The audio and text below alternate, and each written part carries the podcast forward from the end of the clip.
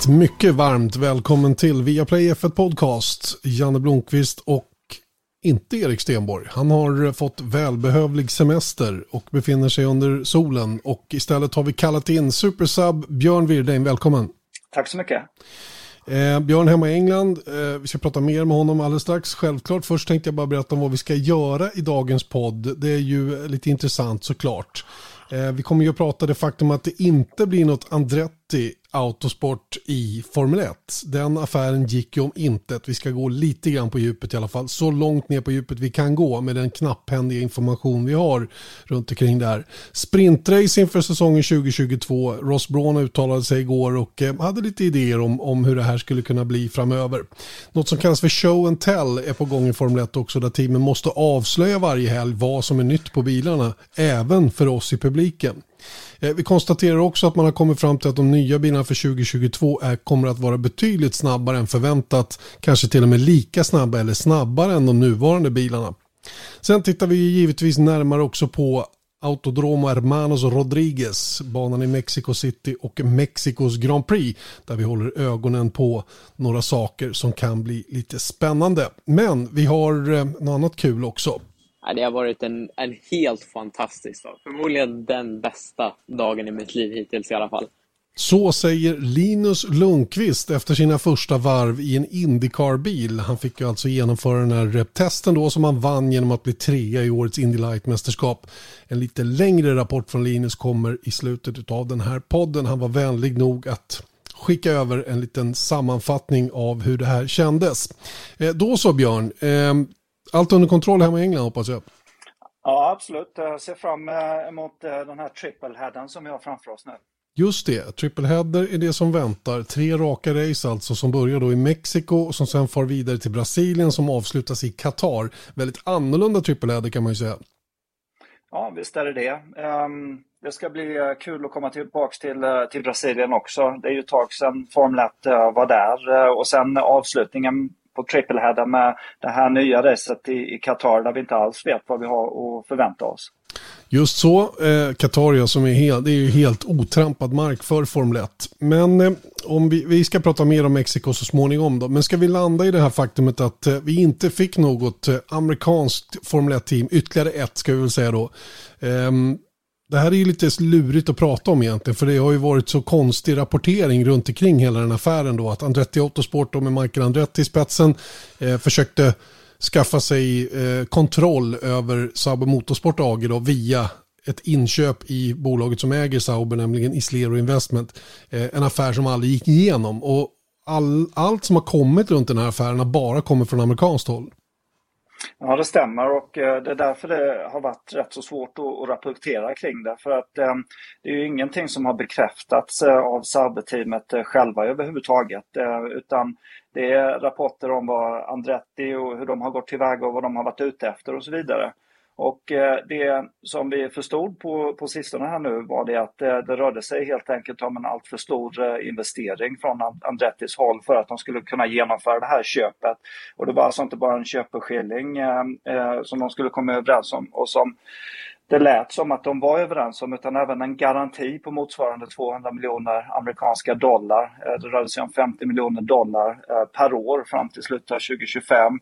Eh, och den här garantin skulle då innebära att ehm, Sauber kunde nå kostnadstaket, ehm, budgettaket ehm, som har införts nu fram till 2025 och Eh, det skulle också vara en garanti för teamets eh, överlevnad. Så att eh, av det som jag har läst mig till så, så har jag väl förstått att det i så fall var det skälet som gjorde att de inte kunde genomföra det här köpet.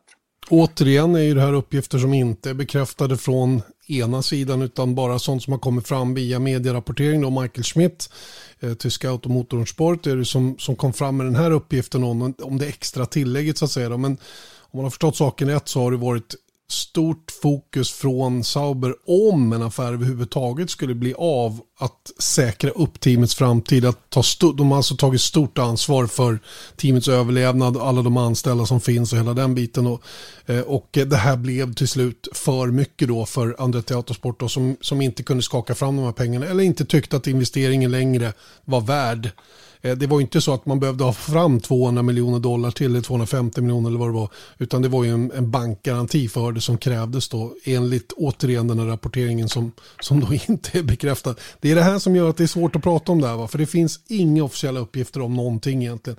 Det enda som är fullt klart, som, som, som, som jag uppfattar är, är tämligen säkert, var att det var Colton Hurta som skulle köra bilen den lediga platsen i Alfa Romeo om den här affären hade gått igenom. Det var rätt, eh, rätt uppenbart, eller har blivit rätt uppenbart. Ja visst, det, det lät som det och um, det var väl um, på grund av att uh, andra människor i Formel 1-depån ehm, um, då insåg att uh, Andretti var där och försökte säkra en, eh, en fredagskörning för just Colton Hurta så han skulle få ett första smakprov av eh, att köra Formel 1. Och oavsett eh, vilket team det skulle bli med så, så var det ju förmodligen viktiga förberedelser och, och hängde ihop med, med förhandlingarna som eventuellt då, då pågick. Och jag förstår ju Andretti, för jag menar det, det, Andretti driver ju team framförallt i Indycar men även i en mängd andra klasser och de är ju extremt eh, framgångsrika i amerikansk racing överhuvudtaget. Eh, och det skulle ju naturligtvis vara kronan på verket att eh, förvärva ett, eh, ett Formel 1-team. Eh, så att eh, just nu skulle det vara helt rätt tillfälle att komma in i Formel 1 med allt det här som inträffar, alla de här positiva sakerna som kostnadstak, ett nytt enklare reglemente eh, som skulle som förhoppningsvis kommer göra Formel 1 jämnare överhuvudtaget. Eh, även om eh, man inte har tillgång till samma resurser som, som exempelvis Mercedes och, och Red Bull redan från början då. Men på samma sätt så, så låter det också som att det är en rätt så då, ett, ett dåligt tillfälle, ett dåligt läge helt enkelt att, att sälja ett team. För det är så mycket eh, som kommer påverka värdet på Formel 1-teamen inom de närmsta åren. Och framförallt med tanke på att man inför ett, nytt, ett helt nytt reglemente med start nästa år som alla de här teamen har lagt eh, extremt eh, stor vikt vid. Och eh, vi vet ju inte alls eh, hur, det kommer, hur konkurrensen kommer stå sig med start från, från nästa år. Det kan ju mycket väl vara som så att eh, ett team som Sauber helt plötsligt är topp 6 eller kanske till och med topp 3 om de har hittat rätt redan från början. Och eh, det, det här skulle ju i sådana fall eh, höja värdet på det teamet eh, markant. Så mm. att, eh, hade jag varit ägare till ett Formel 1-team nu för tiden så hade jag nog väntat en två, tre år åtminstone eh, för att se hur situationen och läget utvecklar sig innan jag började allvarligt överväga och, och, och göra, göra mig av med teamen. Det där tycker jag är huvudet på spiken hela den här storyn egentligen. Att det, är, det, är två, det är två ingångsvärden som inte möts. Det ena Nej. att det är dåligt att sälja just nu och det andra att det är bra att köpa. Det är, ja, det, är väldigt, det är väldigt svårt att få de där två mötas på mitten någonstans. Och det har de inte lyckats ja. med uppenbarligen. Va? Så att, eh, och då leder, det leder oss in lite grann på det här med, med just eh, Sauber, Alfa Romeo och vad de egentligen har pysslat med nu då. Vi har ju varit inne, touchat på det lite grann under säsongen. Eh, dels i våra sändningar, tv-sändningar, men även här i podden då, att de, de, de har tagit en väldigt återhållen attityd gentemot säsongen 2021 av det enkla skälet som du var inne på att det kommer ett helt nytt reglemente och de är inte ensamma om den här inställningen till årets bil heller. Nej, det stämmer. Och jag menar om man ser på Haas-teamet så har de ju hela tiden uttalat eh, väldigt noggrant att de inte har lagt några resurser överhuvudtaget på årets eh, säsong utan allt fokus har varit tillställt på att utveckla en bil så bra som möjligt eh, för att få en riktigt bra start då på det nya reglementet. Eh, och jag tror att eh, både Williams och Sauber har gått tillväga på ungefär samma sätt. Jag minns eh, halvvägs genom säsongen när jag var ute på ett race, eh, det var i Belgien, så fick jag en chans att, att prata lite grann med Fred Vassör, stallchefen för Sauber. Och eh, han bara ryckte på axlarna och, och, sa det att den här säsongen handlar bara om överlevnad för vår del. Vi har ingen utveckling av bilen överhuvudtaget utan vi vill bara försöka samla på oss eh, no några poäng. Ehm, så att vi, vi klarar oss hyfsat eh, åtminstone. Och eh, det uttalandet sa väl det mesta om hur de såg på årets säsong. Mm. Eh, deras nivå budgetmässigt rapporteras ligga kring 100 miljoner ungefär euro, dollar. Euro är väl närmare en dollar kanske. Så som kurserna är idag. Runt en miljard svenska kronor då för att tala vår egen, våran egen ehm, eh, valuta. Eh, budgettaket kommer att landa på 145 miljoner dollar inför nästa säsong. Något som teamet Fred Vassör igen då som, som talesman för teamet har lovat till exempel Valtteri Bottas att de ska nå. Eh, så det är ju lite pengar som måste in då. Och då eh, jag tror nämligen inte att Sauber eller Alfa Romeo är i, i trångmål rent ekonomiskt. Utan nu handlar det mer om att de har omfördelat resurserna på ett bra sätt här. Och dessutom då tittar på hur de kan få ett extra tillflöde av pengar då till nästa säsong. Kanske genom en, en starkt betalande förare då i kinesen Joe som vars chanser att få en plats i Formel 1 har ökat igen nu då. Ja, men alltså det som du säger nu och, och faktum är ju det att vi, vi känner ju till att eh, Sauber eh, och framförallt ägarna till Sauber har gjort stora investeringar i teamet. Eh, de eh, hade ju för inte så länge sedan ingen driver in the loop eh, simulator exempelvis och, och det har de ju på plats i fabriken nu också. Så att eh, deras eh, resurser i Schweiz eh, är väl bland de bättre inom Formel 1 överhuvudtaget samtidigt som man har rekryterat eh, ytterligare eh, personal till det här teamet och ökat personalstyrkan något enormt vad jag förstått det som. Så att, eh, och det här, allt det här har varit i förberedelse inför nästa eh, säsong. Eh, tufft naturligtvis för hela teamet och för förarna då att det är på det här viset. Det är inte första gången det är på det här viset heller. Vi minns ju för rätt många år tillbaka nu när Eriksson kom in i Sauber-teamet hur de körde med en, en års gammal Ferrari-motor. Jag menar, tänk att bara behöva köra igenom en säsong och veta att man är man är chanslös på några fram, framgångar egentligen då. Haas-teamet har varit i samma situation. Jag tycker ändå att Williams, som sannolikt inte är långt ifrån det heller, ändå har repat sig på ett sätt som jag har varit lite imponerad över. Och eh, mycket med hjälp av George Russells fina resultat som han har gjort i år. Eh, de har haft kanske lite, lite mer tur också då än vad de andra två teamen har. Men Haas är ju helt klart på efterkälken. Det gäller ju på något sätt att som team klara av att hålla moralen uppe när det är på det här viset. Att man är tydlig med hur läget är och inte bara liksom håller alla i, i mörkret så att säga. Och, och de som måste veta, det vill säga ledningen och de är de enda som vet om. För det kan ju bli förödande för moralen totalt sett. Ja, det är ju superviktigt och, och om man tittar på ett sånt team som, som Haas då som har en förare som, som betalar eh, för att, att köra där. Så är det inte så roligt att lägga de summorna i ett team där man inte har någon chans eh, på resultat överhuvudtaget. Eh, jag tänker på Nikita Mazepin. Så att eh, det är just det här att försöka hålla motivationen eh, uppe och sen så är det klart att eh, när det inte blir några resultat så, så blir man ju alltid, eller så kan det ju hända att personalen också ifrågasätter framtiden för teamet ehm, och eh, är oroliga för sin egen eh, privata framtid. Ehm, så att ehm, det är en svår balansgång det där. Men nu är väl alla de här tre teamen definitivt committade till eh, en framtid i Formel 1 och, och förhoppningsvis så blir det ju en vändning resultatmässigt. Haas var ju svårt. De hade det tufft redan innan årets säsong med alla de här problemen de har haft med bilen och komma till rätta med däcken och så vidare. Så att de var väl mer på bakfoten än något av de två övriga teamen som vi nämnde. Um, så att ehm, eh, det är mycket som har hänt hos Williams. Ehm, de har en ny stallchef där och eh, det börjar väl också göra resultat eh, vad han har lyckats med där. Så att, men återigen, jag menar nästa, nästa år så blir det en, en, en ny start för, för alla de här teamen och då vet vi inte alls ehm, vad som händer. Och då är det nog säkert välkommet också då i, i Saubers fall att det här hotet om att bli uppköpta eller sålda då, beroende på hur man ser det, eh, mer eller mindre är borta nu då och att de kan slappna av lite grann, koncentrera sig på det som förhoppningsvis ska bli någonting betydligt bättre. Eh, Roger Benoit är ju en, en, eh, en schweizisk journalist som skriver för Blick. Han har jobbat i en miljard år i Formel 1-depån och framförallt väldigt nära Sauber då det är ett schweiziskt team. Eh, och eh, var god vän med Peter Sauber bland annat och även bra tumme med Monisha Kaltenborn som, som bossade teamet tidigare. Och han, han, han var ju inne på samma sak, eller rubriken han hade var att, att eh, ja, affären som, som var på väg att hända, då, att Andretti skulle köpa, är över. Nu väntar teamet på Audi eller Porsche. Och det är lite spännande att han uttrycker sig på det viset, om, för jag har inte riktigt sett det på det viset, att de skulle vara aktuella för, för en koppling till någon av de här två varumärkena som, som eh, eh, som vi har hört talas om då kan vara på väg genom Folkvagngruppen då där, där framförallt Red Bull kopplas till, till, det, eh, till den anslutning till Formel 1. Ja, exakt. Ehm, men vi vet ju inte vad som kommer hända där och det är ju spännande för Formel 1 överhuvudtaget ehm, när det här nya motorreglementet införs 2026 då om, om en sån fabrikant som Volkswagen kommer in ehm, och förmodligen då vad vi har hört eh, med två av sina märken. Så att eh, det är ytterligare ett skäl till varför det kommer vara extra intressant att, att vara med i Formel 1 eh, som team. För det kommer ju finnas möjligheter att eh, göra bra överenskommelser kring motorer med eh, Volkswagen utifall att de kommer in.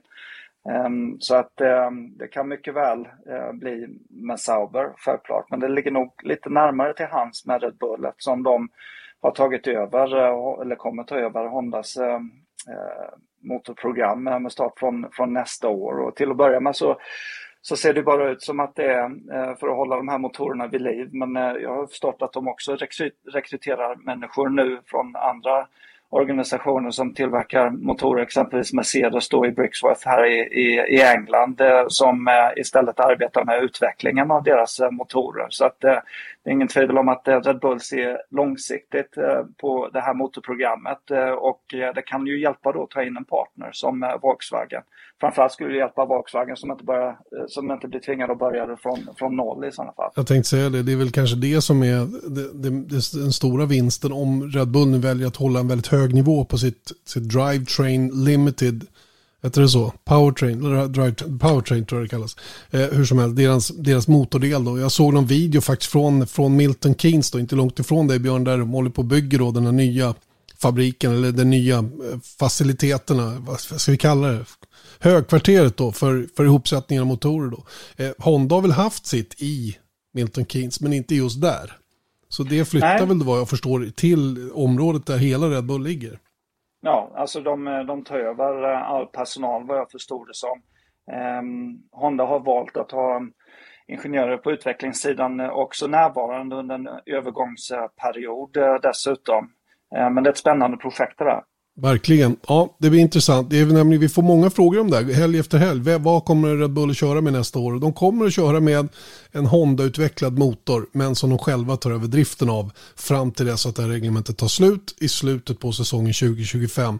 Till 2026 är det alltså aktuellt då att Folkvagngruppen kommer in på ett eller annat sätt med ett eller flera varumärken och sannolikt genom att ta över Red Bulls motor Eh, motordel eh, eller i samarbete med Red Bulls motordel och eh, skulle ju naturligtvis då sätta sitt namn på motorerna i Red Bull och kanske också Alfa Tauri men eventuellt ytterligare team och det är väl där Sauber kommer in ihop med Williams då som också är ett team som har nämnts som, som en tänkbar partner för motorer framöver.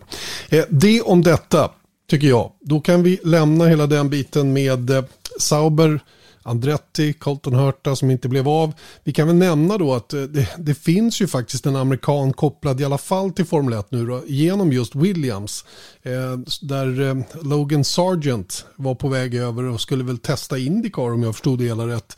Eh, men hoppade av den testen eller om den inte blev av och istället så skrev han på då som utvecklingsförare eller som förare i, i Williams eh, Driver Academy Eh, Logan Sargent som för två år sedan var trea i Formel 3-mästerskapet då. Hyfsat lovande, körde för Prema, eh, snabb. Eh, men det har liksom inte lossnat till 100% för hans del. Är han nu Amerikas... Hej, jag Ryan Reynolds. På Mint Mobile, we like to do the opposite of what Big Wireless does. They charge you a lot. we charge you a little. So naturally, when they announced they'd be raising their prices due to inflation, we decided to deflate our prices due to not hating you. That's right. We're cutting the price of Mint Unlimited from $30 a month to just $15 a month. Give it a try at mintmobile.com slash switch. $45 up front for three months plus taxes and fees. Promote for new customers for limited time. Unlimited more than 40 gigabytes per month. Slows. Full terms at mintmobile.com. Nästa stora hopp tror du?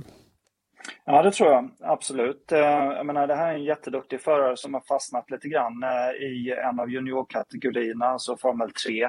Och hade väl eh, mer eller mindre övergivit Formel 1-drömmen efter slutet då på på årets säsong. Han slutade ju sjua i mästerskapet totalt under sin, sin tredje säsong i Formel 3 och det är ju rätt så mycket sämre än hans tredje position året innan. Men å andra sidan så vet att han hade svårt att få ihop budgeten för en fortsättning i Formel 3. Han kunde inte ta steget upp till Formel 2 tillsammans med de övriga förarna som slutade framför honom i 2020 års eh, mästerskap. Så han blev kvar i Formel 3 med ett eh, något sämre team får man väl ändå säga och det har väl bidragit till att eh, eh han inte lyckades lika bra i år. Eh, men han tittade ju uppenbarligen på, på Indycar och var på väg över att göra den här testen eh, samtidigt som möjligheten dök upp då från eh, Williams-teamet att eh, ge honom chansen som utvecklingsförare där och, och sannolikt så, så, innebär det väl också att de kommer placera honom i Formel 2 så att han får, får chansen att uh, gå vidare på den här stegen uh, också. Så att det är ju en, en jättemöjlighet för um, Logan Sargent det här och uh, vi har ju nämnt det tidigare att det är så otroligt viktigt för Formel 1 själva också att få in en amerikansk förare. Det är ju en amerikansk organisation. Vi ser hur mycket de expanderar i USA.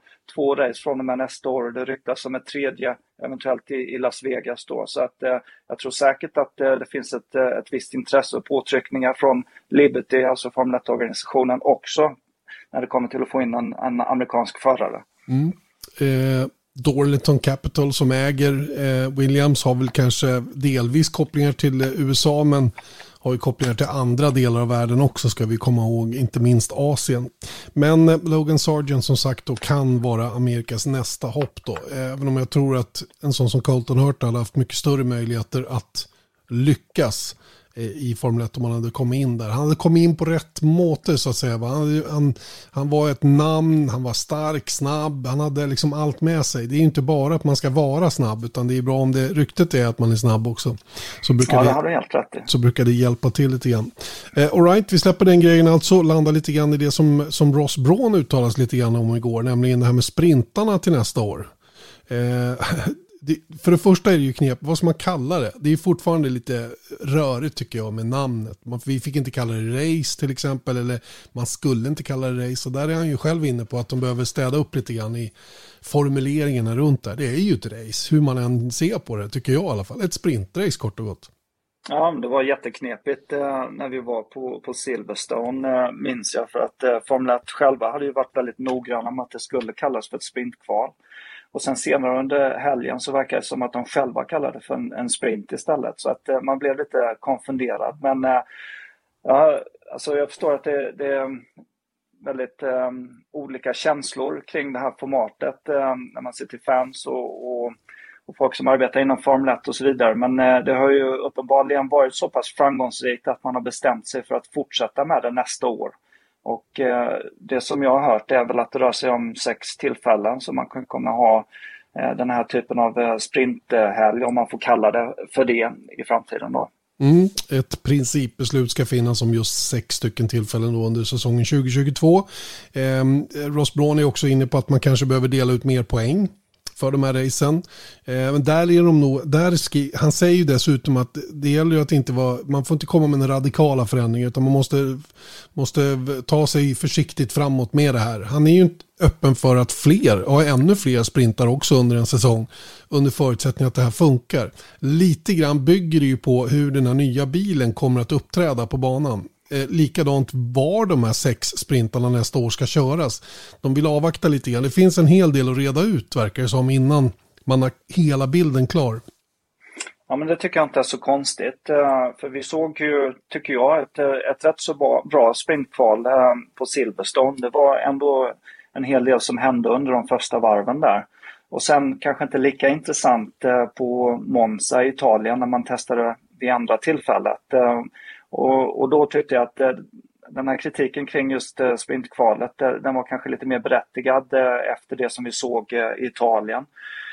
Men det som du säger, allting hänger ihop för att om de här nya bilarna fungerar som det är tänkt så kommer det bli lättare att, att köra om och framförallt att ligga nära varandra. Och det är ju det som det handlar om när det kommer till ett nedkortat sprintrace på, på bara 100 kilometer det bygger liksom på att, eh, att förarna har möjlighet att fightas med varandra och dra fördel av ett kortare race och, och vara desto mer aggressiva.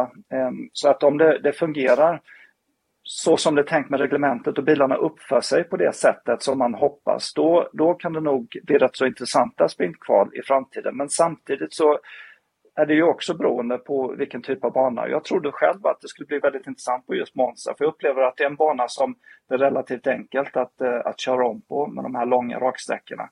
Eh, men, men så var det inte eh, i det här fallet i år istället. Så att det, det är rätt så många faktorer som man måste ta hänsyn till när man gör upp en plan inför nästa års eh, säsong. Och, eh, sen får vi se vad som händer med formatet i sig. För att eh, jag vet att det nämndes ingenting om det här under gårdagen när Ross Braun gav ut den här extra informationen kring det här. Men det som jag har hört eh, det är ju att Eh, Eh, det här formatet skulle förändra sig på så sätt att eh, man skulle fortsatt ha ett, eh, ett kval på, på fredag men det här kvalet skulle bestämma startordningen till Grand Prix på, på söndagen istället. Sen skulle man ha ett sprintkval, eller ett sprintrace som det förmodligen då kommer kallas istället, på lördagen, 100 kilometer, men när man startar med omvänd, omvänd startordning, ehm, alltså beroende på hur de ligger till i, i mästerskapet. Och eh, det kan ju bli desto mer intressant eh, tycker jag faktiskt, för då ligger fortfarande vikten vid kvalet på fredagen och eh, Grand Prix på söndag, men de två hör ihop på samma sätt som det gör traditionellt. Samtidigt så får vi se ytterligare spännande racing på, på, på lördagen också. Så att det, det låter för min del som en rätt så bra kompromiss. Verkligen. Och eh, då är det ju också värt att dela ut mer poäng. Man kan till och med ha ett extra mästerskap som heter där man delar ut en, eh, eller där någon blir sprint champion så att säga då. Eh, samtidigt som naturligtvis poängen ingår i, i totalen eh, utav det hela då.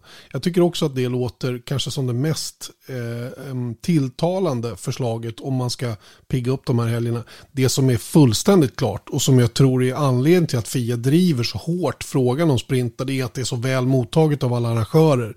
De får ju, de får ju en, en, en de får ett helt annat läge arrangörerna att, att ta in sina pengar. Och, och Liberty har ju lättat lite grann på vem som, ska, vem som ska stå för risken så att säga när det gäller att arrangera. Men fortfarande är ju den största risken på arrangören och den har ju sina, sina VIP-paket och matförsäljning och biljettförsäljning då som, som är det som genererar intäkter till en arrangör. Eh, men måste då betala en hel del pengar till Formel 1 för att få arrangera. Och kan man, kan man hjälpa till där från Formel 1 sida, då, då gör man ju stor skillnad. Va? Sen tror jag också, och det här är en högst personlig åsikt, men jag, jag tror att de, den kritik som kommer från där är från en relativt liten klick.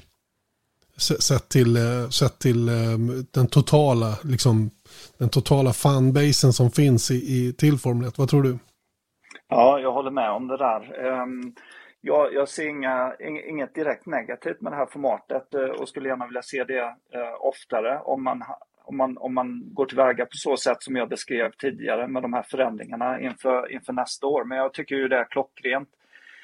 Eh, inte bara för arrangörerna utan för, för åskådarna på plats också. För det är inte så himla roligt att sitta och titta på två fria träningar eh, på en fredag som det är normalt sett eh, om man istället skulle ha chans att se ett kval. För de här kvalen som vi ser i Formel 1 nu för tiden, de är ju i vissa fall ännu mer spännande eh, än Grand Prix själva. Så att, eh, kunna se ett sånt på, på en fredag tillsammans med en, en fri träning, eh, det måste ju öka intresset för att, att gå på besök på en Formel 1-bana en fredag, eh, markant alltså. Visst är det så, plus att du får då eh, på lördagen ett, ett, ett, ett väldigt spännande race med helt andra ingångsvärden. Till exempel VM-ledaren längst bak. Eller varför inte omvänd startordning på det kval som har körts på fredagen. Det skulle ju också kunna vara ett alternativ. Eh, bara för att få det lite ommixat då. Och naturligtvis väldigt intensiv körning eftersom det kommer att vara en hel del poäng att köra om trots allt på lördagen. Så, som eh, inte är helt oviktiga då i totalen. Eh, låt oss se vad som kommer att hända med det här. Jag, jag tycker det är en spännande utveckling i alla fall. Jag, tror, jag, tyck, jag tycker inte att det här är något dåligt. Eh, tvärtom. Jag, jag väljer att, att vara lite öppen i sinnet faktiskt runt omkring det här. Sen är vi väl alla Björn lite sådär eh, konservativa när det gäller Formel 1 och hur det får vara och vad man får göra och hur det ska vara. Ja, eh, och, det, det, jag är också konservativ i det fallet. Ehm, och, och, därför så tycker jag, jag menar det här kvalet eh, som oftast är så himla spännande, det, det ska sätta startordningen till Grand Prix. Det, det är där man ska kämpa sig till det. Och sen så om det är en gimmick eller inte, eh, det, alltså det är upp till var och en individuellt eh, det här sprintracet. Eh, men ehm, ja, det, det, vi vill ju se tuff, eh, tuff racing på, på schyssta villkor liksom och, och det kan vi få chansen då förhoppningsvis eh, att se under en lördag då i framtiden vid några tillfällen. Och då är polesitten tillbaka till den som tar snabbaste kvalvarv. Det är den som får pole position. Även om jag tycker det har varit ett icke-problem, vad man kallar det rent statistiskt. Nåväl, det är om sprintarna då. Eh, en sak till då som har kommit fram, eh, det är att man vill införa något som kallas för show and tell. Eh, I det sportsliga reglementet för nästa år är det ju redan bestämt att bilarna måste besiktas på fredag förmiddag. Eh, och den bil som då besiktas är en referensbil för resten av helgen. Den ska köras i det, i det specifika skicket från tredje träningen och framåt. Det vill säga FP3, kval och race ska köras på det sättet som den besiktas på fredag. Eh, det här innebär ju då att, att varje fredag så kommer ju teamen med en bil som de besiktar in. Eh, sen har de ju möjlighet att testa eventuella nya grejer då i FP1 och FP2. Men de får inte tävla med dem. Så att, eh, och, och det innebär att Fia och i slutändan vi också med lite tur kan ju då hela tiden veta vad som är nytt på bilen från en helg till en annan. Eftersom varje fredags bil vet vi ju den de kommer att köra med. Och där ser man ju då eh, vad som är nytt på bilen, eller Fia kommer att se det. Nu vill Formel 1 också då att det ska vara en form av show and tell. Att de måste helt enkelt ha en mediasession där vi i massmedia då i förlängningen publiken får reda på vad som är nytt på bilarna. Och det här är säkert lite kontroversiellt i Formel 1 eftersom man är så väldigt hemlighetsfull alltid av någon anledning och egentligen helt onödigt. Eh, det är ju ingen som kan påverka vad någon annan gör i vilket fall som helst. Man kanske kan påskynda processen att, att eh, hitta eh, hitta motmedel så att säga. Men jag tycker det här är ett rätt spännande förslag om jag får vara riktigt ärlig. För jag tycker om att veta mycket. Ja, det är det ofta som är det svåra med, med Formel 1. Att, eh, man vet ju att eh, allting sker med en rasande takt när det kommer till utvecklingen av de här bilarna. Men det är inte alltid som man vet vad det är för, för typ av delar som, som sitter på bilarna från, från race till race. Och, och emellanåt så får vi inte reda på det förrän långt efteråt. Eh, och det är oftast dessutom förändringar av bilarna som har, som har gett ett eh, rätt så stort eh, resultat också. Men till att börja med när det kommer till den här förändringen i, i bestämmelserna kring hur man ska gå tillväga med hur bilarna är besiktigade och, och i Park Fermé då så, så var det ju vad jag förstod det som, för att ehm, eh, hålla nere kostnaderna också. Eh, som sagt, eh, allting sker i ett rasande tempo när det kommer till utvecklingen. Och jag menar, alla de här nya delarna eh, som ska testas ute under Grand Prix-helgerna, det blir väldigt kostsamt att, att frakta dem ut till de här racen. Eh, och med hjälp av den här begränsningen eh, så får man ju testa nya delar eh, under starten på Grand Prix-helgen. Man kommer inte kunna använda sig av dem för nästa Grand Prix-helg. Så att, eh, det, det, är ett smart eh, upplägg eh, på så sätt. Och sen eh, vet jag, jag tror, jag tror inte att teamen alltid kommer vara så intresserade av att dela med sig exakt eh, vad det är för några förändringar. För jag menar det mesta inom Formel 1 vill de hålla hemligt så länge som det bara går. Ehm, samtidigt så, så är det nog säkert någonting som Formel 1-organisationen kan tvinga fram. Men å andra sidan så även om det blir show and tell och de blir tvingade att gå igenom exakt vad det är för några förändringar så, så tror jag att det det kommer bli eh, rätt så begränsat eh, vilken eh, information som de väljer att ge ut från Formel 1-teamens håll. Ehm, just av det skälet att, att de inte vill påskina hur pass framgångsrika de här förändringarna kan komma att bli. Jag tycker det är spännande med Ross Braun för han är en tuffing. Han vet, ju, han vet hur, spelet, hur spelet spelas så att säga i depån. Han har koll verkligen på alla de här bitarna. Han har bra gubbar runt omkring sig. Tombasis, Nicolas Tombasis som är hos Fia. Eh, och sen har han ju även då Pat Simon som jobbar ihop med honom själv. Och alla de här gubbarna är ju liksom så otroligt eh, involverade i sporten. De vet ju exakt vad som händer runt omkring. Och därför så har jag stort förtroende när de lyfter fram den här typen av grejer och att de liksom vill ruska om Formel 1 lite grann. Och Sen, kan man ju, sen, sen, så kan ju inte vi veta om det här får någon större påverkan överhuvudtaget eller inte. En sak som har kommit fram Björn, eh, från just Pat Simmons då, via simuleringar som har gjorts nu, det är att de här nya bilarna för nästa år, som sades bli ganska mycket långsammare då, just för att de skulle få en sämre kurvhastighet framför allt, nu kommer att vara väldigt, väldigt snabba ändå. Eh, och det har sagts då enligt simuleringar som har gjorts att de kanske är när säsongen börjar runt en halv sekund långsammare och kanske under säsongen till och med äter ikapp det och går förbi de nuvarande bilarna. Och det här är ju nyheter för mig. Det, det, det känns ju eh, också lite spännande, lite skrämmande också för det går väldigt fort idag. Och ibland behöver man ha någonting bromsande som, som de har att jobba emot så att inte bilarna blir för snabba. För allt för snabba bilar brukar inte gynna racingen. Nej, det har du rätt i och jag var också rätt så förvånad när jag först eh, hörde om det här. För att eh, vi fick ju chansen att, att, titta på den här prototypen som Formel 1 själva hade tagit fram för första gången på Silverstone i år. Och den ser ju mycket, mycket enklare ut eh, aerodynamiskt än, än dagens Formel 1-bilar. Den är inte alls lika sofistikerad när det kommer till vingar och bargeboards och, och, och allt det här som Formel 1-teamen lägger ner utveckling på nu, nu för tiden med det här reglementet. Ehm, så att Eh, Eh, att, eh, att det skulle skilja rätt så mycket eh, vid starten av nästa årssäsong. Det var vad jag hade räknat med och, och Formel 1 själva de, de trodde väl att det skulle röra sig om mellan 3 och 3,5 sekund. Men samtidigt nu så, så, så har ju utvecklingen gått framåt under en lång period för Formel 1-teamen själva. De har ju varit inriktade som sagt på att ta fram den här nya bilen som införs nästa år redan från starten av årets säsong här nu och det är klart att Formel 1 kan ju inte lägga ner hur mycket tid som helst på att ta fram en prototyp. Eh, men eh, de vet jag lägger väldigt stora resurser på att försöka eh, klura ut exakt hur Formel 1-teamen ska gå tillväga för att täppa till vissa då loopholes som det heter. Ehm, men nu har ju Formel 1-teamen kommit långt i utvecklingen och vi har även hört från en, en, en hel del förare som har kört de här nya bilarna i, i sim, simulatorerna Eh, och eh, jag har hört att de, de känns väldigt, väldigt annorlunda ut eh, i jämförelse med, med årets Formel 1-bilar. Men den stora skillnaden verkar vara just i högfartspartier. För det är ju en, en annorlunda typ av downforce som genereras med hjälp av eh, groundforce. Eh, då. Och, det fungerar tydligen extremt väl i just snabba kurvor. Så där är bilarna rätt så mycket snabbare än vad man hade förväntat sig. Å andra sidan så kommer de bli rätt så mycket långsammare tror jag i, just långsamma kurvor. För även i, i långsamma kurvor så kan aerodynamiken göra eh, rätt så stor skillnad eh, och framförallt den som genereras av, av golvet och, och vingarna. Så att eh, eh det är väl där tappet finns. Men då är frågan, eh, kommer det kanske gå nästan lite för fort? För jag menar Formel 1-bilarna är, är vansinnigt snabba nu för tiden. Vi ska inte glömma heller att de blir ungefär 40 kilo tyngre också till nästa år. Eh, och 40 kilo, det är, ju, det är ju en sekund bara det, drygt. Eh, vad, vad, vad är det? Fyra gånger till, det är 1,2 sekunder på en, på en average-bana. Eh, så, så bara det är ju väldigt, väldigt mycket då som man, så egentligen är de ju redan snabbare då.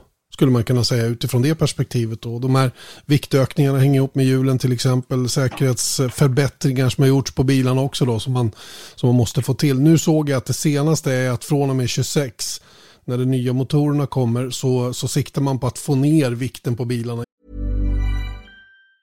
Say hello to a new era of mental health care. Cerebral is here to help you achieve your mental wellness goals with professional therapy and medication management support. 100% online. You'll experience the all new Cerebral Way, an innovative approach to mental wellness designed around you. You'll get a personalized treatment plan from a therapist, prescriber, or both in a safe and judgment free space. Your cerebral therapist or prescriber will outline a customized plan with clear milestones along the way so you can get to feeling your best. With Cerebral, you're not alone in your mental health journey. We're here to empower you to live a fulfilling life. So take that first step towards a brighter future and sign up today at cerebral.com slash podcast and use code ACasts to get 15% off your first month. Offer only valid on monthly plans. Other exclusions may apply. Offer ends July 31st, 2024. See site for details. För att förarna börjar klaga. Jag kan ju tycka 800 kilo då, vilket vi är uppe i i stort sett Och Det, det, det, är svårt för mig att sätta något perspektiv på. Du har ju kört en, en, en Formel 1-bil som väger 200 kilo mindre. Eh, och har ju ett, en, en, större möjlighet att, att bedöma hur mycket annorlunda det är att köra en bil. De är ju bevisligen väldigt snabba de här bilarna. Till och med snabbare än de ni körde som vägde 600 kilo. Ja, och eh, jag menar jag har inte kört eh, en modern Formel 1-bil eh, som är så pass mycket tyngre. Så på så sätt så har jag ingen direkt jämförelse. Men det slår mig alltid när man ser de här ombordbilderna på Formel 1-förarna idag. När de kör, alltså hur, hur lätthanterliga de här bilarna verkar vara. Ehm, Alltså den, den typen av bil som jag körde då 2004 som var så pass mycket lättare, den var extremt nervös eh, och, och känslig, eh, aerodynamisk. Eh, och, och, när jag tittar på dagens bilar så ser det mer eller mindre ut som att de, de går på räls alltså. Så helt klart så är det fortfarande en stor utmaning att köra Formel 1-bil men på ett helt annat sätt. Och det lägger man ju också märke till när det kommer in nya förare utan tidigare Formel 1-erfarenhet och exempelvis gör en fredagsträning och, och så ser man att de, de är så otroligt snabba redan utan någon Formel 1-erfarenhet kan de vara bara några få tiondelar efter ehm, den ordinarie föraren i, teamet. Men sen tror jag också att det är desto svårare att hitta det där sista i, i de moderna bilarna också. Ehm, så att, eh, men en viktförändring ehm, som är så pass stor eh, om man jämför från 2004 då till eh, årets säsong och som dessutom blir desto mer då med start från nästa år, det, det, är ju ingenting som är speciellt roligt uh, ur förarperspektiv. För, jag menar, redan uh, skillnaden mellan en, en bil i, i kvaltrim eh, då med, med låga bränslenivåer och en bil som är upptankad i racetrim är alltså enorm. Det är en sån otrolig skillnad. Allting händer mycket, mycket långsammare. Um, reaktionerna i bilen uh, sker långsammare. Man måste inte vara liksom eh, sitta på nålar alltså som man måste göra eh, när bilen är i kvaltrim istället. Så att, eh, eh det, det, tror jag är bra Formel Sen ser jag inte riktigt hur de ska lyckas åstadkomma det, men det, det är väl också mycket beroende på vad som händer med motorreglementet. Eh, om vi pratar om att de ska försöka få ner vikten i framtiden. Så är det. Eh, vi kan för övrigt eh, komma in lite grann på det här med tester då. Det kommer köras två tester. Eh, om jag kommer ihåg rätt nu, tre dagar i Barcelona och tre dagar i Bahrain eh, inför kommande säsong. That's it. Eh, den första testen i Barcelona kommer inte att televiseras. Den kommer att gå 24-26 februari. Eh, återigen om jag minns rätt och den andra då är lite närmare premiären då som kommer att köras i Bahrain då. Så det blir väl en, en och en halv vecka innan premiären skulle jag kunna tänka mig då. Eh, och eh, de har ju börjat att visa de här testerna på, på tv. Nu kommer inte den första testen att visas. Eh, nu råkar jag ha ett litet eh, OS-uppehåll i, det alpina jag ska göra under vintern. Så ja, för min del är, tror jag det är rätt uppenbart att jag kommer försöka ta mig ner till Barcelona och se de här bilarna under den första testen och verkligen få en, en känsla för dem. För det, det här är första gången på länge som jag känner att det är ett stort behov att se dem på nära håll Eh, Eh, på en gång så att säga. Och det kan, det kan ju vara tips till vem som helst. Det är inte alls svårt att, att, komma ner till Barcelona och köpa en biljett och komma in och se de testerna. Jag tror att det kan vara rätt sevärt, eller vad tror du? Absolut, utan tvekan. Jag skulle gärna åka ner där själv också för att ta en första titt på de här bilarna. Man vill ju se hur de uppför sig runt banan. Um, med, med ground force eh, som vi inte sett i Formel 1 på, på väldigt, väldigt länge. Uh, och framförallt om man kan få någon idé om hur de fungerar när de ligger nära intill varandra eh, i, ehm, i situationer som när de har kamper och, och, hur pass väl det fungerar att köra om varandra. Så det är ju någonting som förarna själva är väldigt nyfikna på och som de garanterat eh, kommer försöka ta reda på hur det fungerar under de här första testerna också. Det blir ju också spännande med eventuellt nya förare som kommer in som inte har några referenser. Jag menar Alonso som är väl den sista riktiga åldermannen nu när Kimi lägger av i år. Han har ju rätt mycket av olika typer. Han har ju kört bilarna du har tävlat i eller som du testade med fram till idag. Så han har ju verkligen ett, ett långt spann av olika typer av F1-bilar. Och så kommer han då in i den här varianten, stor, tung eh, och med en helt annan aerodynamisk filosofi. Eh, man har ju sett på andra nya killar som kommer in hur snabba de är på en gång, och hur snabbt de, de tar sig till det här reglementet som vi har just nu. Jag tänker på Lando Norris, George Russell med flera. Leclerc som, som väldigt snabbt har, har behärskat den här typen av bilar. Om det är de som kommer att fortsätta att liksom övertyga eller om någon gammelgubbe kanske hittar någonting i det här nya sättet att köra. Ja, det är en svår fråga det där. För att eh, jag menar, det är ju ingen av de här förarna som förmodligen har kört en, en ground force-bil eh, eh, tidigare.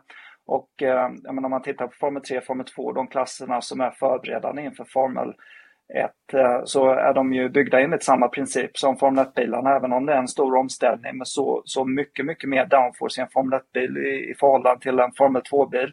Och det är ju en styrka hos vissa förare att de, de klarar av att anpassa sig till en ny körstil snabbt. Och eh, bra exempel på det där det är ju de här problemen som Ricciardo har haft exempelvis under årets säsong. Eh, det handlar helt enkelt om att, anpassa sig och, och se till som att man använder sig av det material man har på, på det mest effektiva sättet. Och eh, där har ju Lando Norris varit väldigt duktig i förhållande till, till Ricciardo. Um, och, och det är just eh, den förmågan som kommer bli avgörande när de väl sitter i de nya bilarna i början av nästa år. Eh, groundforce ska vi väl kort säga och ju, bilarna kommer att generera sin downforce från underredet av bilen på ett helt annat sätt. Det gör de ju idag också. 60% av downforce kommer ju från underredet av bilen. Men de aerodynamiska ytorna på de här nya bilarna kommer ju vara mycket, mycket mer förenklade.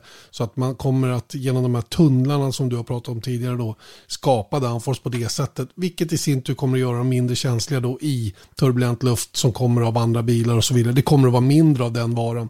Eh, det här med high rake tror jag kommer att försvinna eftersom som man behöver de här virvlarna för att täppa till golvet och inte få något läckage in. Eh, vilket är eh, syftet så att säga då, för att inte få en bil med hög bakände då att, att tappa all sin downforce. Så att, nej, det kommer att se väldigt annorlunda ut och om man får tro alla som har pratat innan så kommer ju bilarna att avvika lite grann utseendemässigt från varandra också då, vilket, vilket blir kul. För det är tråkigt om det blir som en enhetsklass, eller hur? Ja, det vill man ju inte se inom Formel 1 och, och, det var ju det man var orolig för när de offentliggjorde det nya reglementet. Jag menar, eh, Formel 1-reglementet har aldrig varit så restriktivt eh, som det blir med start från, från nästa års eh, säsong. Och det där sätter ju stopp också för, förmodligen för, för vissa innovationer och det är ju viktigt att, att, att få se dem inom Formel 1 också för att Ehm, om, vi, om vi ser tillbaks på Formel 1-historien så är det de här innovationerna som har hittat vägen sen ut till fordonsindustrin eh, överhuvudtaget. Så att, ehm, eh, men å andra sidan, det är ju en avvägning där också. Ehm, vad som är bra för racingen överhuvudtaget och, och vad som är bra för Formel 1. Men nu har vi ju en hel del bilfabrikanter fortsatt involverade i Formel 1 så att ja, vi får se vad som händer där.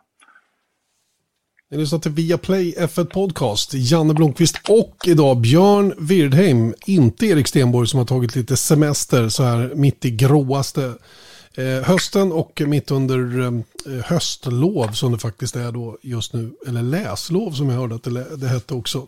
Man ska tydligen läsa böcker på det här lovet eh, har jag missuppfattat i sånt fall.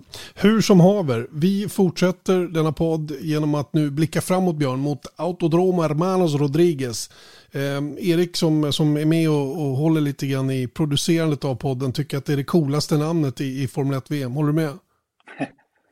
Ja, ett av de coolaste namnen. Vilket skulle vara coolare då i sånt fall? Jag tänker på det här, eh, nu kommer jag inte ihåg för det är så himla långt det namnet, men uh, Imolas uh, Grand Prix. Ja, du tänker på namnet, ah, okej. Okay. Ja, just det, du tänker på Grand Prix-namnet. ja, ja, ban, ja bannamnet här, men banan är ju ja. Hermanos Rodriguez. Den är ju alltså döpt då efter Ricardo Pedro Rodriguez, två riktiga hjältar på hemmaplan. Eh, födda i Mexico City, båda omkom tragiskt nog bakom ratten, den ena av bröderna i, på Iperatalda, alltså sista svängen där. Eh, bakhjulupphängningen krasch, eller gick sönder och han smällde in i muren och, och omkom.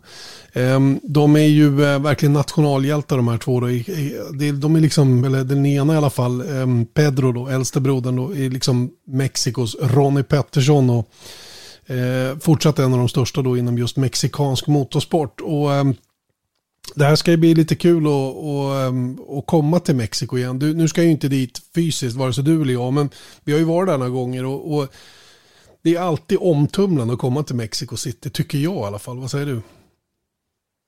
Jag läste någonstans, för jag satt och läste en preview ehm, inför det här Grand Prix och, där, där, skrev de att det, det är 3,5 miljoner bilar i trafik i Mexico City varje dag. Och det, det är mest det jag tänker på när, jag tänker tillbaka på de tillfällena som jag har varit där, att det är så otroligt mycket folk i rörelse hela tiden, oavsett vilken tid på dygnet eh, det är. Eh, sen är det ju en, en fantastisk stämning där och eh, nu, nu fick vi ett helt grymt Grand Prix i USA sist eh, med tanke på, och, eh, jag tänker på mängden åskådare som var på plats. Det var ju 400 000. Men det brukar ju vara något liknande, eh, alltså samma tryck åtminstone i Mexiko för att eh, det är sånt enormt intresse kring Formel 1 och, och det hjälper ju naturligtvis att eh, Sergio Perez kör Formel 1 och, och nu dessutom eh, i ett konkurrenskraftigt team där han har möjlighet att vinna. Men jag menar, det, det, är sällan som man ser läktarna mer eller mindre fullsatta redan en fredag. Men det gör man i Mexiko oftast. Ja, verkligen. Det är ju, det är ju det är alltså, eh, det är Fiesta. De kallar det för Fiesta och det är verkligen Fiesta. Jag menar, jag vet ju eh, förarna hur de beskriver det här Drivers Parade-varvet när de åker in i det gamla baseballstadion där och då det bara, håret bara står på killarnas armar för att det är sånt jävla tryck där inne. Det är, det är coolt att, att få det berättat. Jag har inte stått så nära. Jag vet, Mange har ju varit nere, vår fotograf har ju stått oftast i kanten där och tittat in i själva arenan där. Jag vet inte hur nära du har varit. Eh, om, vi, vi kommer aldrig så nära riktigt, du och jag va? Eller? Nej, vi sitter ju lite bortanför i hytterna som eh, är på utsidan där av Paraltada, sista, sista kurvan. Eh, så jag har inte sett det mer än på tv kan jag väl säga då. Men eh, det, det är häftigt eh, det här arenaområdet och, och framförallt prisutdelningen och, och, hur det är utformat. Och de brukar alltid ha någon artist där uppe på podiet också. Så att det, det är en jättefest där. Faktiskt redan från första träningen på fredagen. Men allting eskalerar ju närmre slutet på Grand Prix man kommer. Visst, visst är det så. Och um, de senaste åren har vi bott förhållandevis nära arenan Eh, så vi har kunnat gå den, det är en liten promenad bara till själva banan då. Det, och det är faktiskt inte så dumt. Eh, man kan nästan bo på ett flygplatshotell för flygplatsen ligger alldeles intill. Eh, och sen att man är på den här höjden, de här 2200 meterna, det känner man ju faktiskt av lite grann. Man går med ständig liten lätt huvudvärk och ja, det är, man är inte i toppform på det viset. Nej, det stämmer och, och jag menar just det här att banan är belägen på, på så pass hög höjd, eh, det, det ställer ju ytterligare krav på, på förarna framförallt. För det blir ett väldigt eh, fysiskt race eh, trots att temperaturen inte brukar vara så, så vansinnigt höga. Och jag menar banlayouten är inte så, så, så tuff heller när det kommer till högfartskurvor. Eh, som är de kurvorna där förarna utstår de största påfrestningarna. Men det är, det är just den här höjden som, som ställer till det lite grann på så sätt. Och inte bara för förarna utan även för teamen. För de måste ju anpassa bilarna efter det där. Ja, verkligen va, och ehm, just, eh, just den anpassningen är ju alltid svår att göra. Jag minns första året vi var där hur, ehm, hur, ehm, hur Mercedes försökte skapa energi i däck. Det var ju så dåligt grepp. Så de, de laborerade lite grann med luftintaget i bromsarna och den luft som passerade genom luftintagen till bromsarna bak till exempel var ju så tunn dessutom så bromsarna tog eld på Nico Rosbergs bil och det var inte bara hans tror jag som, som, som råkade ut för det där och det är ju ett, det är ett pickla. Nu har man ju lärt sig de här åren vi har varit där hur man ska gå tillväga så att säga va? och läst att Mercedes till exempel har optimerat sin motor bättre och det, det det handlar om är ju väldigt mycket att hålla kontroll på kylningen för det är ju den som blir lidande då. Man behöver luften. Visst Visst, man tappar mycket downforce, men du behöver luften för att, för att hålla ner tempen på alla bilens system. Ja, det är kylningen eh, naturligtvis och, och sen så är det som så att man kör ju med mer eller mindre full downforce eh, på, på bilarna, alltså samma downforce-nivå som man använder sig av exempelvis i Singapore eller Ungern. Jag tror inte riktigt det är max eh, som det är på Monaco. Um, och det gör man trots att man har de här långa raksträckorna. Första raksträckan mäter ju 1,2 kilometer. Eh, och sen inte så himla många snabba kurvor då, så man tycker att de borde komma undan med rätt så mycket mindre downforce. Men det är alltså eh, den här tunna luften som gör skillnaden. Och faktum är det att eh, trots att man, eh, man använder sig av de här vingpaketen som motsvarar vad man kör i Singapore så, så åstadkommer man bara samma downforce som man lyckas med på Monza. Och där mm. kör man ju med vingarna så nedtrimmade som möjligt. Så, så det ger en förståelse för eh, vilka förutsättningar man har att handskas med just eh, i Mexiko. Mm, det tycker jag är jättespännande och den jämförelsen är så väldigt, väldigt tydlig att det är 25% bort eh, och att det blir på det här viset då. Ehm, vi som vanligt när vi kommer till ett race så försöker vi hålla ögonen på några saker och självklart så håller man ju ögonen på Sergio Perez. Han är ju eh, hemmafavorit verkligen, han är kung i depån nu när han kommer hem och dessutom då i ett, ett av toppteamen. Han har ju en rejäl vinstchans den här gången. Eh, något, något tillskarvat så att säga. Men han sitter ju en av de bättre bilarna i alla fall. Och på hemmaplan så lyfter han sig säkert lite grann. Han har ju fortfarande sina kvalproblem. Va? Men för en gång skulle inte Verstappen då, läktarfavoriten.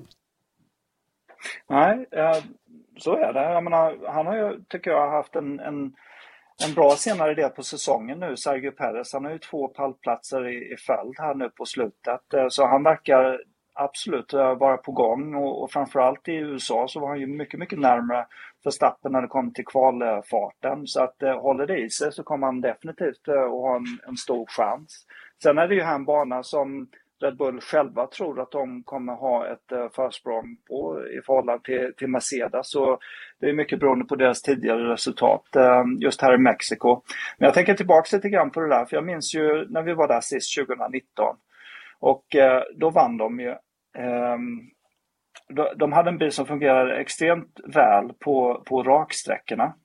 Ehm, och eh, då verkar det som att ehm, aerodynamiken och, och motorn fungerade väldigt väl. Men det kom ju fram senare där att Förlåt, det var Lewis Hamilton som vann eh, sist 2019. Eh, men det var, det var lite grejer som hände på vägen fram dit som ja, gjorde att han vann. Mm. Ja, men alltså Red Bull var ju väldigt starka den, den helgen och eh, det kom ju fram sen i efterhand då att eh, de hade haft hjälp av en lite överdimensionerad eh, turbo. Eh, för turbon får ju arbeta desto hårdare när det är så pass eh, tunn luft och eh, Honda-motorn var ju inte lika välutvecklad vid det laget som den är nu å andra sidan. Så jag undrar om det kommer hålla i sig. Ehm, eller om de har lyckats eh, få ner dimensionerna på den här turbon och, de kanske inte har lika stor fördel som de hade då i varje fall. Mm. Och då leder det oss in lite grann på vem som äger vem, vem är chef här egentligen i Mexiko? Mercedes eller Red Bull? Eh, USA var ju traditionellt sett en Mercedes-bana, nu var man ett par tiondelar långsammare. Och i förhandsnacket har Mercedes sagt att två tiondelar bakom i Mexiko, det är best case scenario för deras del. Så de är inte speciellt så här de, inte, de har inte så stora förhoppningar om att göra ett bra resultat. Och samtidigt som de säger att den här motorn, då, optimeringen av den då har, har gjort att den är bättre lämpad för den höga höjden.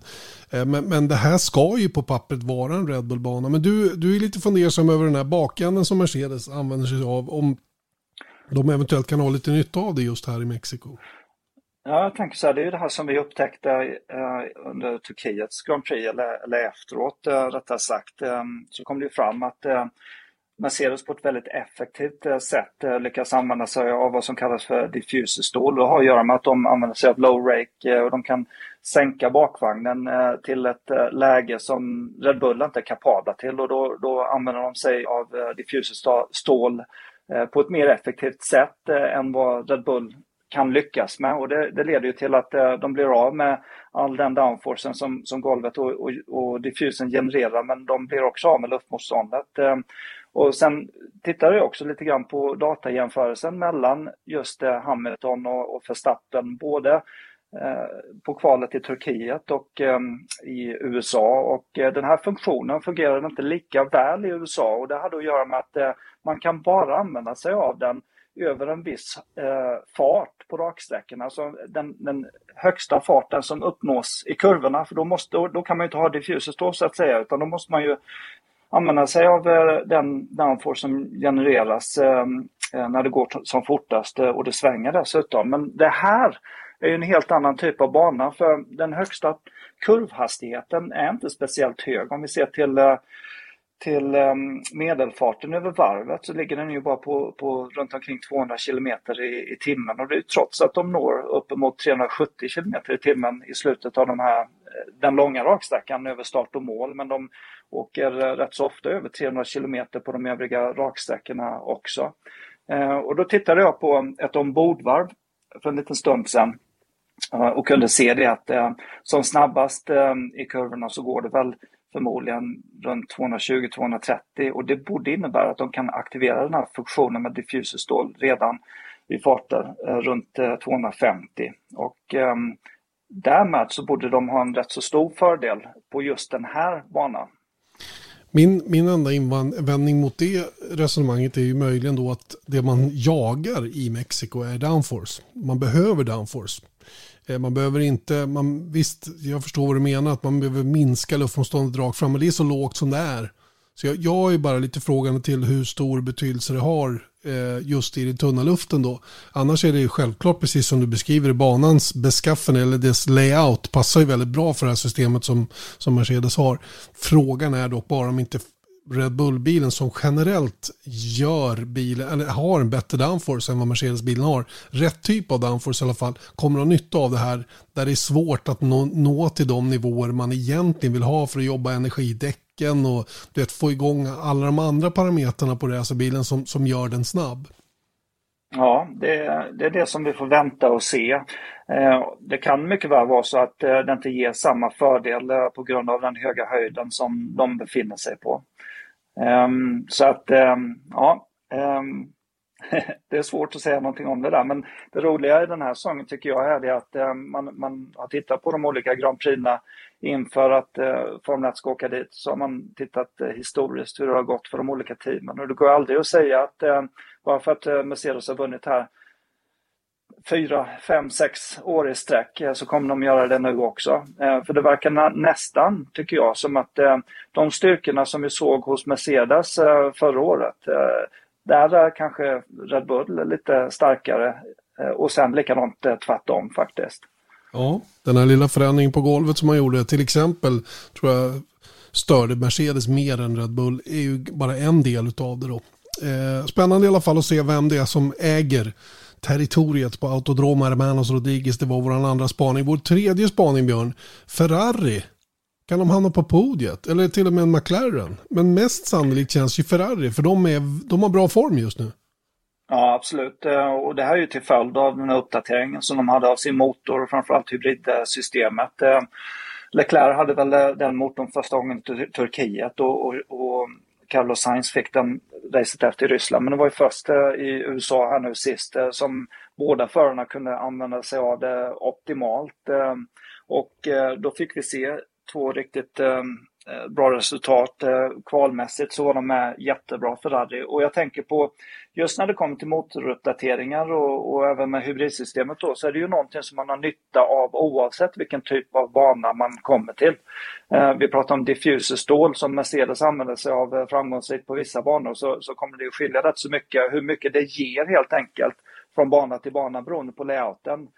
Så därför så tror jag väldigt mycket på Ferrari nu Eh, under eh, den slutliga delen av säsongen, åtminstone i den här kampen eh, mot McLaren. Och sen tycker jag också faktiskt att Ferrari har en liten fördel i nuläget på grund av att de har en, en jämnare föraruppställning. De har två förare som är kapabla till, till toppresultat i just den bilen. Mm.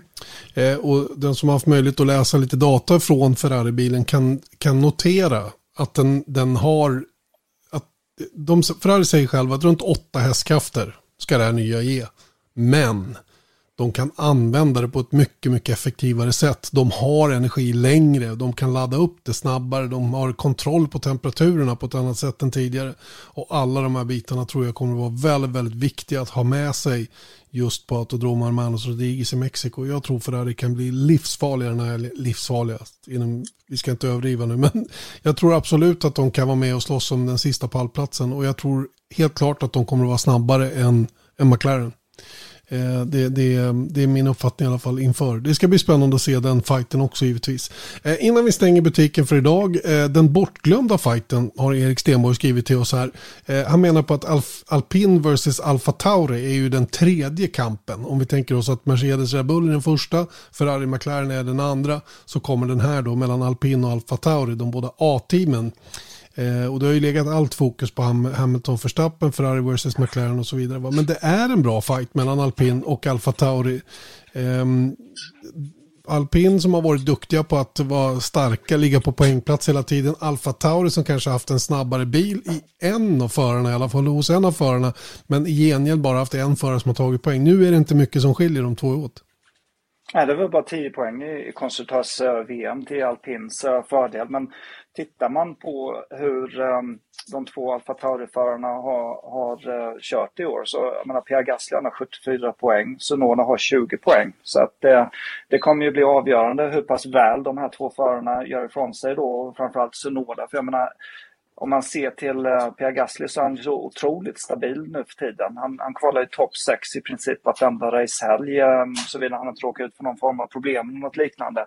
Det är ju just eh, uh, Sunoda som, uh, som måste lyfta sig och, och bidra med poäng under de här racen som återstår för att det ska vara möjlighet för dem att ta den här femteplatsen från alpin. Mm. Och Sunoda lyfte sig lite grann i USA, såg bättre ut helt plötsligt, start topp 10 Ehm, ja, lyckades eh, tycker jag på, på ett bra sätt visa att det faktiskt finns lite kapacitet i honom. Va? Det var han var, vi hade ju reportage om allt vad det nu var om att han har varit så hyllad inför den här säsongen men att allting liksom gick i stå ganska tidigt och han har haft svårt att komma ur det här grundläget och vi, var väl, vi berörde det lite grann huruvida det är hans att han är japan just och deras sätt att tänka runt omkring de här bitarna som är anledningen till att, att um, han kanske haft svårt att vända på det. Han kom in i formen, jag trodde det här skulle vara enkelt. Vilket det inte ja, var. Visst, nej, exakt. Och, och, sen så fick han nog lite grann av en chock. För han gjorde ju väldigt bra ifrån sig under försäsongstesterna just i Bahrain. Och, och sen så ägde ju säsongsupptakten uh, rum i Bahrain också. Och där gjorde han faktiskt rätt så bra ifrån sig. Men sen när han väl kom till de övriga banorna Eh, Eh, så, så fick han det tufft och, och, det var förmodligen för att han eh, tog i lite för mycket. Han ville för mycket för tidigt eh, helt enkelt innan han hade fullkomlig kontroll över hur han skulle hantera bilen på, på ett optimalt eh, sätt. Och det ledde till de här avåkningarna och misstagen. Eh, och det var rätt så många under en kort period dessutom. Men teamet eh, Alfa Tauri-teamet, eh, de insåg ju vad det var som höll på att hända och, och gjorde förändringar eh, i ja, hans boende exempelvis, där de flyttade honom från Milton Keynes. Jag förstår egentligen inte varför de placerade honom i Milton Keynes eh, från början, för det är ju där Bull-teamet är baserat. Men eh, stallchefen där för Alfa Tauri, Frans Tost, han har ju lång erfarenhet av att arbeta med unga förare. Och eh, satt ju, vad jag förstår det som, eh, i princip ihop ett, ett dagligt program för eh, Sunoda där han skulle bo nära fabriken i Faenza och, och infinna sig vid vissa tidpunkter varje dag så att han kunde föra diskussion, lära känna personalen och, och ingenjörer och så vidare. Och, och det där ger ju till slut eh, resultat samtidigt som Sunoda själv eh, få får en bättre förståelse för vad det var som gick fel i början av säsongen. Sen kan man också se att de coachar honom på ett annat sätt eh, nu för tiden. Eh, och det var väl inte helt optimalt i USA sist, där han fick den här starten på mjuka däck. För man låter honom köra på mjuka däck när man kanske hade föredragit medium under Q2 för en start på mediumdäck. Men bara för att få vidare honom till Q3. För visst, han vet ju själv att han har en fördel av att använda sig av mjuka däck och att han förmodligen inte hade kunnat nå dit. Men det spelar ingen roll för det bygger hans självförtroende ändå få, få ta del i, i Q3. Så på så sätt så är det nog rätt så bra att gå tillväga på det, det sättet. Sen när han väl har nått upp till en tillräcklig nivå när det kommer till självförtroendet, då, då kan man göra vissa justeringar och låta honom eh, liksom få göra en lite svårare uppgift eh, med att använda sig av mediumdäck exempelvis. Men, eh, Ja. Vi, har ju sett Red Bull jobba ungefär likadant med Sergio Perez bitvis och där sades det ju att man gjorde någon form av genombrott eh, setupmässigt i USA, som, eller ja, på senaste tid i alla fall, som har gjort att han känner sig lite mer bekväm då. Vi har ju sett lite bättre kvalprestationer där. Men det är ju den här långsiktigheten som, som man behöver i Formel 1. Det går inte att, att se saker och ting på kort sikt samtidigt som kraven på föraren att snabbt lösa eventuella problem är, ligger tungt över dem. Och är man inte där och kan fixa det sådär bara i en handvändning, då är man ju illa ute. Det är, det är så himla lätt att hamna ute i kylan snabbt. Och, och hamnar man ute i kylan in i ett team, ja då blir det liksom progressivt. Va? Då, då kommer man ännu närmare utedörren på något sätt. Trots att man det, egentligen det, skulle behöva få hjälp. Va? Ja, det är livsfarligt det där och, och, och, och därför tror jag han är på rätt plats. Eh, för som jag nämnde tidigare så, så är det ju Frans Toss som leder teamet och han vet vilka faror en, en ung nykomling är utsatta för och eh, det är det farligaste som finns eh, när teamet eh, tappar förtroendet för den. För det är otroligt svårt att, bygga upp det igen. Ehm, så att nu tror jag inte att han råkar, eller nu tror jag inte att han löper risken för att råka ut för något liknande, för han har trots allt support och backning från Honda och, eh, och därmed Red Bull med tanke på att de fortsätter sitt samarbete när det kommer till unga juniorförare i framtiden också.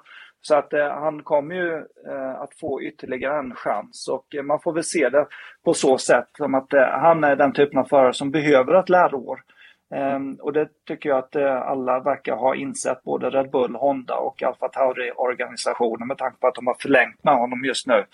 Ehm, men då, då hans fortsättning eh, i Formel 1 eh, kommer ju handla om hur han lyckas eh, nästa år. För det, det, är då han ska göra resultat av det som han har lärt sig i år istället. Och det är som jag sa, olika för, för olika förare. För det finns de förarna som kommer in i Formel 1 och, och har jättelätt för sig. Jag tänker på exempelvis Charles Leclerc när han kom in. Det, det, han behövde inte många race innan han kände sig hemma där. Den vi har pratat om en stund nu är alltså japanen Yuki Tsunoda då i Alfa Tauri med anledning av den bortglömda fighten mellan alpin och Alfa Tauri. Bara 10 poäng skiljer de åt alltså i eh, konstruktörs-VM och eh, det blir intressant att se vem av de två teamen då som drar det längsta strået. De här fem tävlingarna som återstår utav årets VM närmast, alltså Mexikos Grand Prix, alla tider inför Mexikos GP och sånt hittar ni då i tablåerna, tv-tablåerna och på eh, Viaplays sociala medier.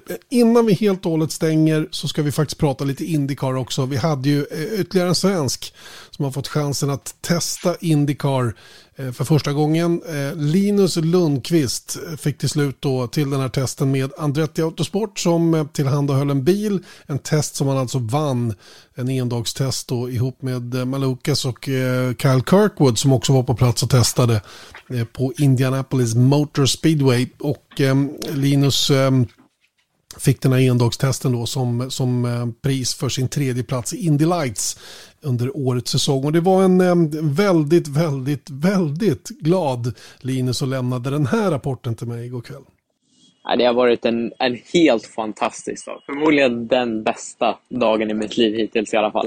Um, ja, men du vet, man, man har ju tittat på Indycar så länge och tittat på bilarna och förarna och drömt om att få vara en av dem. Och sen då nu att faktiskt få göra min första, mitt första test i en Indycar. Det, det levde upp också till alla mina förväntningar. Man har ju hört att de, de är så snabba och det är eller brutala bilar att köra. Men det, nej, det, var, det är så himla kul alltså. Jag är så jäkla glad och teamet har gjort det jättebra också. Att få göra det tillsammans ändå med mitt toppteam som Andretti har ju varit väldigt, väldigt häftigt. Eh, bara den erfar erfarenheten kommer man väldigt långt på. Så eh, ja, det kommer nog ta ett litet tag för mig att smälta det här. Men eh, jag är jättenöjd. Eh, både med hur hur jag presterade på testet, men även liksom hur, hur känslan slutade också i bilen och vad vi gjorde under dagen och så vidare. Så jag tror med, ja, med tanke på det så, så får jag vara väldigt, väldigt nöjd och hoppas på att möjligheten kommer snart igen. Linus Lundqvist där alltså som eh, var, han var uppe på, på rosa moln lät det som efter den här Indycar-testen då och eh, han gjorde bra ifrån sig, bara hundradelar som skiljer de här tre åt som jag nämnde. Ehm, och att få hoppa in i en Indycar-bil då efter allt som har varit runt omkring är ju naturligtvis en, en dröm som går i uppfyllelse. Han, han har inte riktigt nått till, till målet att vinna Indy Lights då, som hade gett honom 1,3 miljoner dollar att ta med sig in i en kommande Indycar-säsong. Nu blev det den här testen istället då. Vi vet att det är lite surt med pengar där. Det är svårt att få ihop budgeten för, för Linus eh, inför fortsättningen då. Men en sån här test, viktig är den tror du? Superviktig och, och, så roligt att han sa det, en av hans bästa dagar i livet. Och, och så är det, för när man får chansen att göra sin livets första Indycar-test, eh, då, då kommer man ihåg det resten av livet eh, också. Det är en sån otrolig händelse alltså. Och jag menar Linus, han är en enormt duktig förare. Om man tittar på hans eh, CV så har han ju åstadkommit väldigt mycket under en kort period. Det började ju med att han blev eh, Eh, Formel STCC nordisk eh, mästare då 2016 och sen därefter så blev han ju brittisk mästare i Formel 3 2018 eh, och sen fastnade han lite grann i Europa och bestämde sig för att ta steget eh, till USA där han gjorde succé direkt då i Formula Regional Americas eh, Championship som han vann då 15 segrar på 17 race. Och det gav ju honom möjligheten i, i Indy Lights där han nu fullföljt sin, sin första säsong, sin debutsäsong. Och det är ju väldigt starkt att ta en tredjeplats där eh, redan första året. Eh, och lyckades han så pass bra som, som det låter i den här Indycar-testen så borde det också ge honom ytterligare möjligheter att fortsätta i Indy Lights ytterligare ett år, men kanske för ett av de bättre teamen istället. Och, och i sådana fall så skulle han ju vara en av förhandsfavoriterna. Och hela grejen, och, och så som jag vet amerikansk racing fungerar också, det är det att ju bättre man lyckas, eh, desto bättre förutsättningar får man ekonomiskt också. Eh, de här toppteamen som är lite mer välfinansierade, de kan oftast eh, ge en duktig förare en, en bra styrning men till ett billigare pris helt enkelt. Och, och då, då ställer det liksom inte samma press på honom och de eh, som ligger bakom Linus och finansierar honom. Så att eh, min förhoppning är det att han fortsätter nästa år också in the light så att eh, han, han kör för en seger där då. Mm, och eh, det är väl ungefär så han resonerar själv också då. Eh, efter, efter den här testen sa han då också att eh, eh, Indy Lights är väl målet. Eller naturligtvis så vill han köra Indycar. Men om det inte går att lösa, vilket förmodligen är svårt, så är ju ett år till i Indy Lights då målsättningen. Annars eventuellt IMSA då. Eh, som är, som är det amerikanska sportvagnsmästerskapet som också skulle kunna vara en tänkbar karriärstege. Då. Eh, men, men eh, det är mycket som är osäkert just nu runt omkring ekonomin och Linus Lundqvist. Vi får verkligen hålla tummarna för att det går att få till någonting. Uppenbarligen en, en, en duktig förare och en talang som, som ehm, behöver få möjligheten att eh, utforska sina möjligheter vidare. Eh, roligt för honom att få genomföra den här testen i vilket fall som helst. Eh, ja du Björn, du gör dig redo för att flyga till Sverige gissar jag inom en dag eller två. Jajamän. Så ska ju vi då kampera ihop och faktum är att Rickard Rudell återansluter också, den förlorade sonen eh, finns med oss i, på kommentatorsplats och i studion givetvis då inför Mexikos Grand Prix till kommande helg. Så att eh, alla som ni som har frågat efter Rickard, nu är han tillbaka. Han var ju på Monza senaste helgen och såg Dino Beganovic bli bestulen på en seger, måste jag säga. Det var surt på riktigt, Dinos eh, sista race där för året där han alltså blev påkörd och ut ur andra chikanen på, med, vad var det, tre, fyra varv kvar eller någonting i den stilen efter en David Vidales som eh, körde kanske lite väl vildsint över de här banmarkeringarna. Hur som haver, det får Rickard prata mera med oss om när vi träffar honom till helgen och er andra också då givetvis. Eh, tack för den här veckan säger vi när det gäller Formel 1-podden. Vi hörs nästa vecka igen och då ska Erik Stenborg vara tillbaka också. Tack Björn, jättekul inhopp. Ja, tack själv.